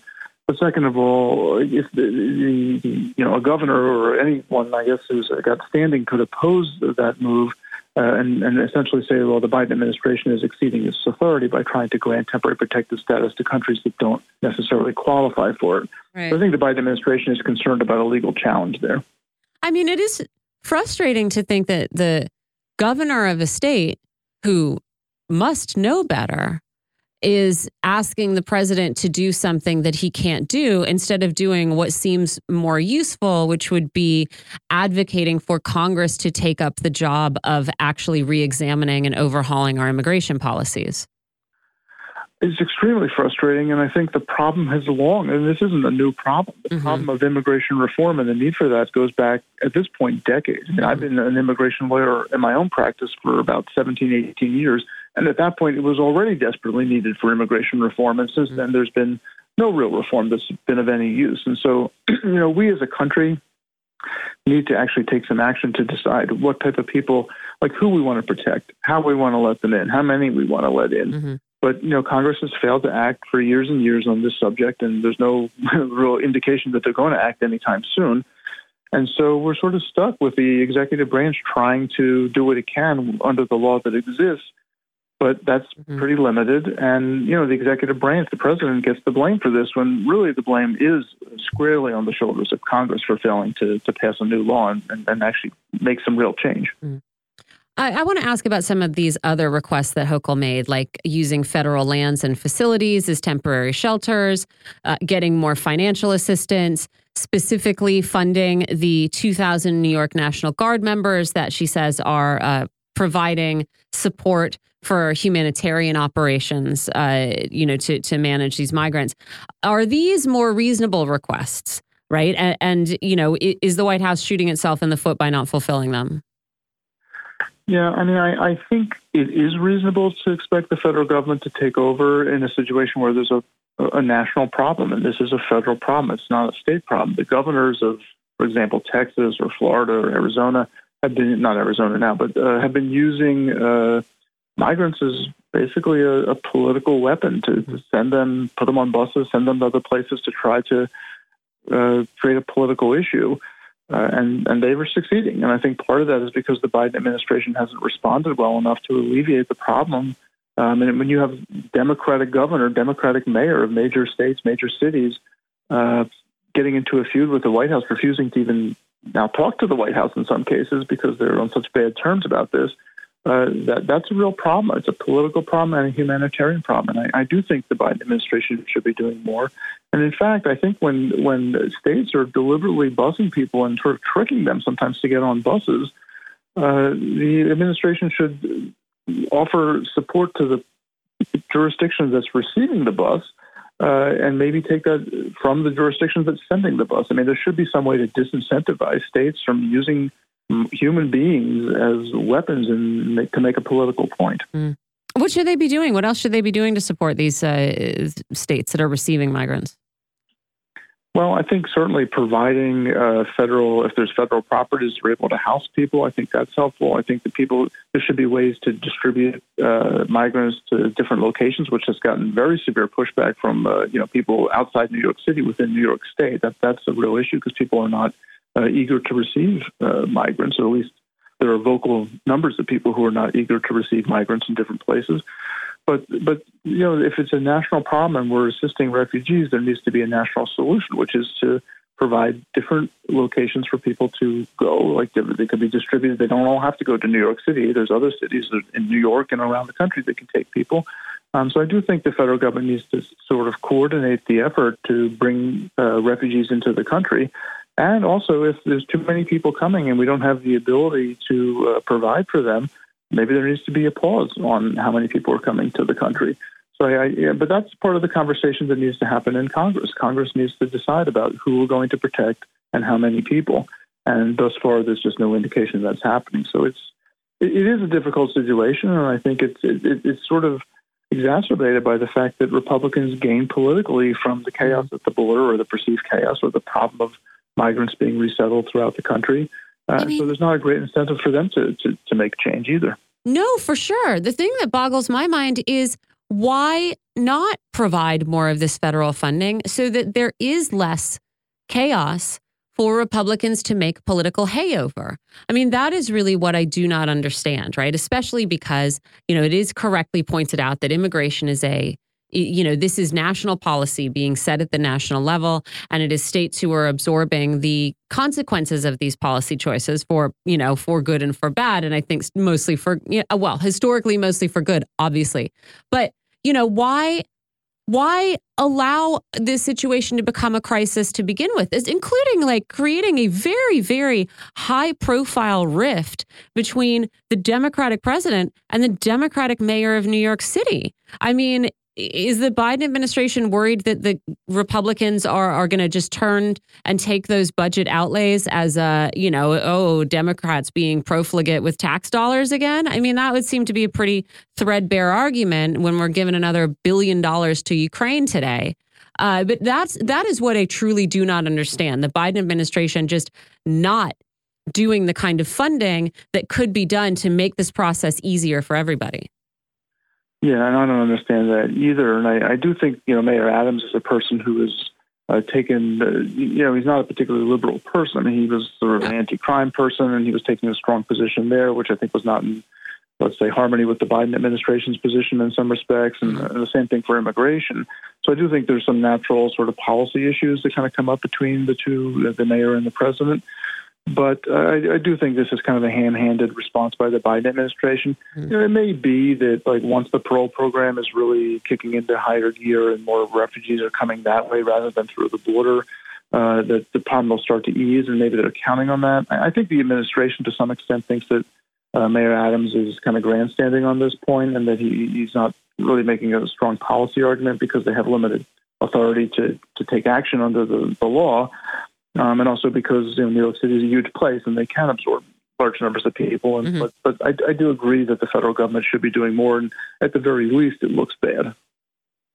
I also want to ask you to put migration and recent arrivals in particular in context, right? Because the reporting that we see uh, and have seen over the last couple of years is that you know, th- we are seeing a massive, massive influx. This is something new. These are numbers greater than we have in the past. You know, these are uh, hordes of people who we cannot possibly hope to absorb.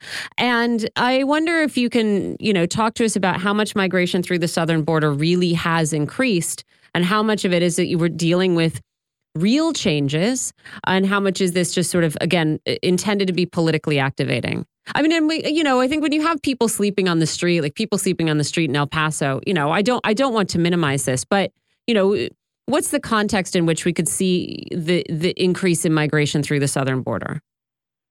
Yeah, I mean, I think you know, sometimes when you have a graph that shows just one piece of the story, uh, it, it, makes the contrast seem greater than it is. And so, in a case like this, you know, there's always been large numbers of migrants. Under the Trump administration, there were large numbers of migrants. Back in the 1980s, there were large numbers of migrants, but there was less, uh, you know, accounting for who's coming and who's going. Mm-hmm. Uh, and so, I, you know, I, I think it's right that there are more people coming in now. It's very difficult to get a handle on that because the government statistics aren't necessarily great, and also different government agencies count people in different ways. They'll count family units. Sometimes they'll count people who uh, have come and been deported and come back again, and they'll count that as one, or they'll count it as two, depending on where you're looking. Sorry, can I interrupt? For such a, we don't know really.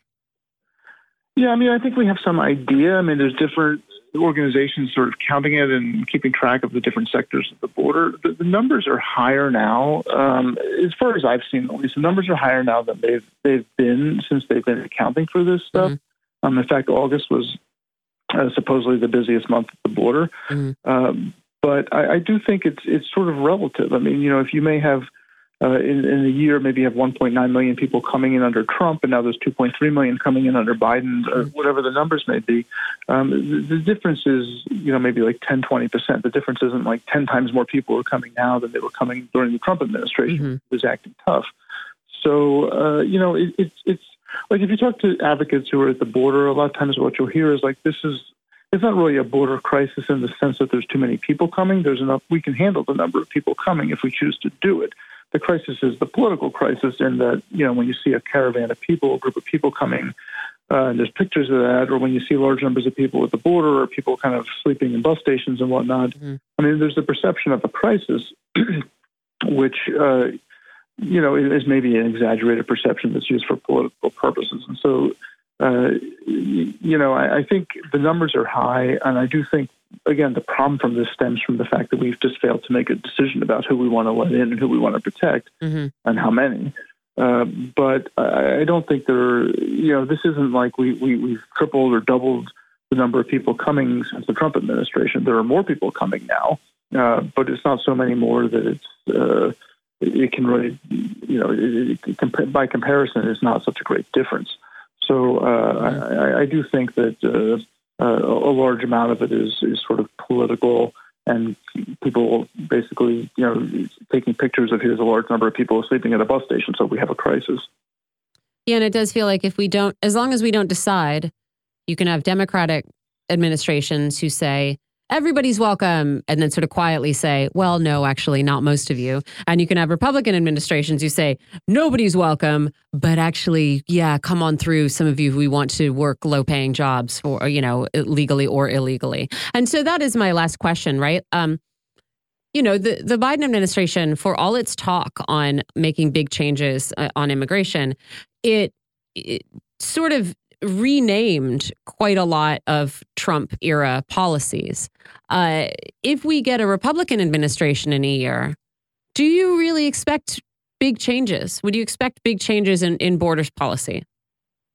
I think the problem that, uh, uh, let's say, a, a, Republican administration would face is similar to the problem that the Biden administration is facing now, which is that they're constrained by the law. And so, while you know, for example, Trump is separating mothers from children and uh, you know, doing as tough, as much uh, sort of uh, punitive uh, actions as they could take at the border and trying to deny more asylum cases by tweaking the regulations.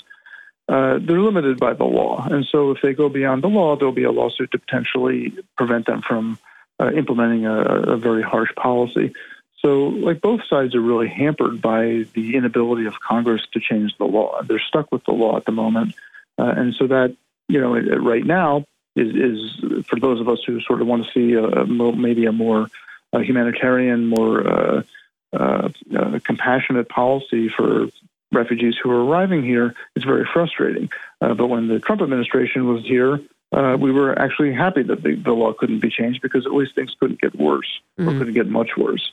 So, I, you know, I do think that both administrations, whether it's Republican or Democrat, they're both being hampered by the inability of Congress to kind of reach conclusions. Because I, I will say the last thing, uh, you know, there there are solutions to these problems, and they're not really that difficult or complicated. It's just a question of having the political will and the ability to compromise on some some questions and come up with solutions. What is uh, one? You what's one solution that's like to. not that complicated if you had the political will?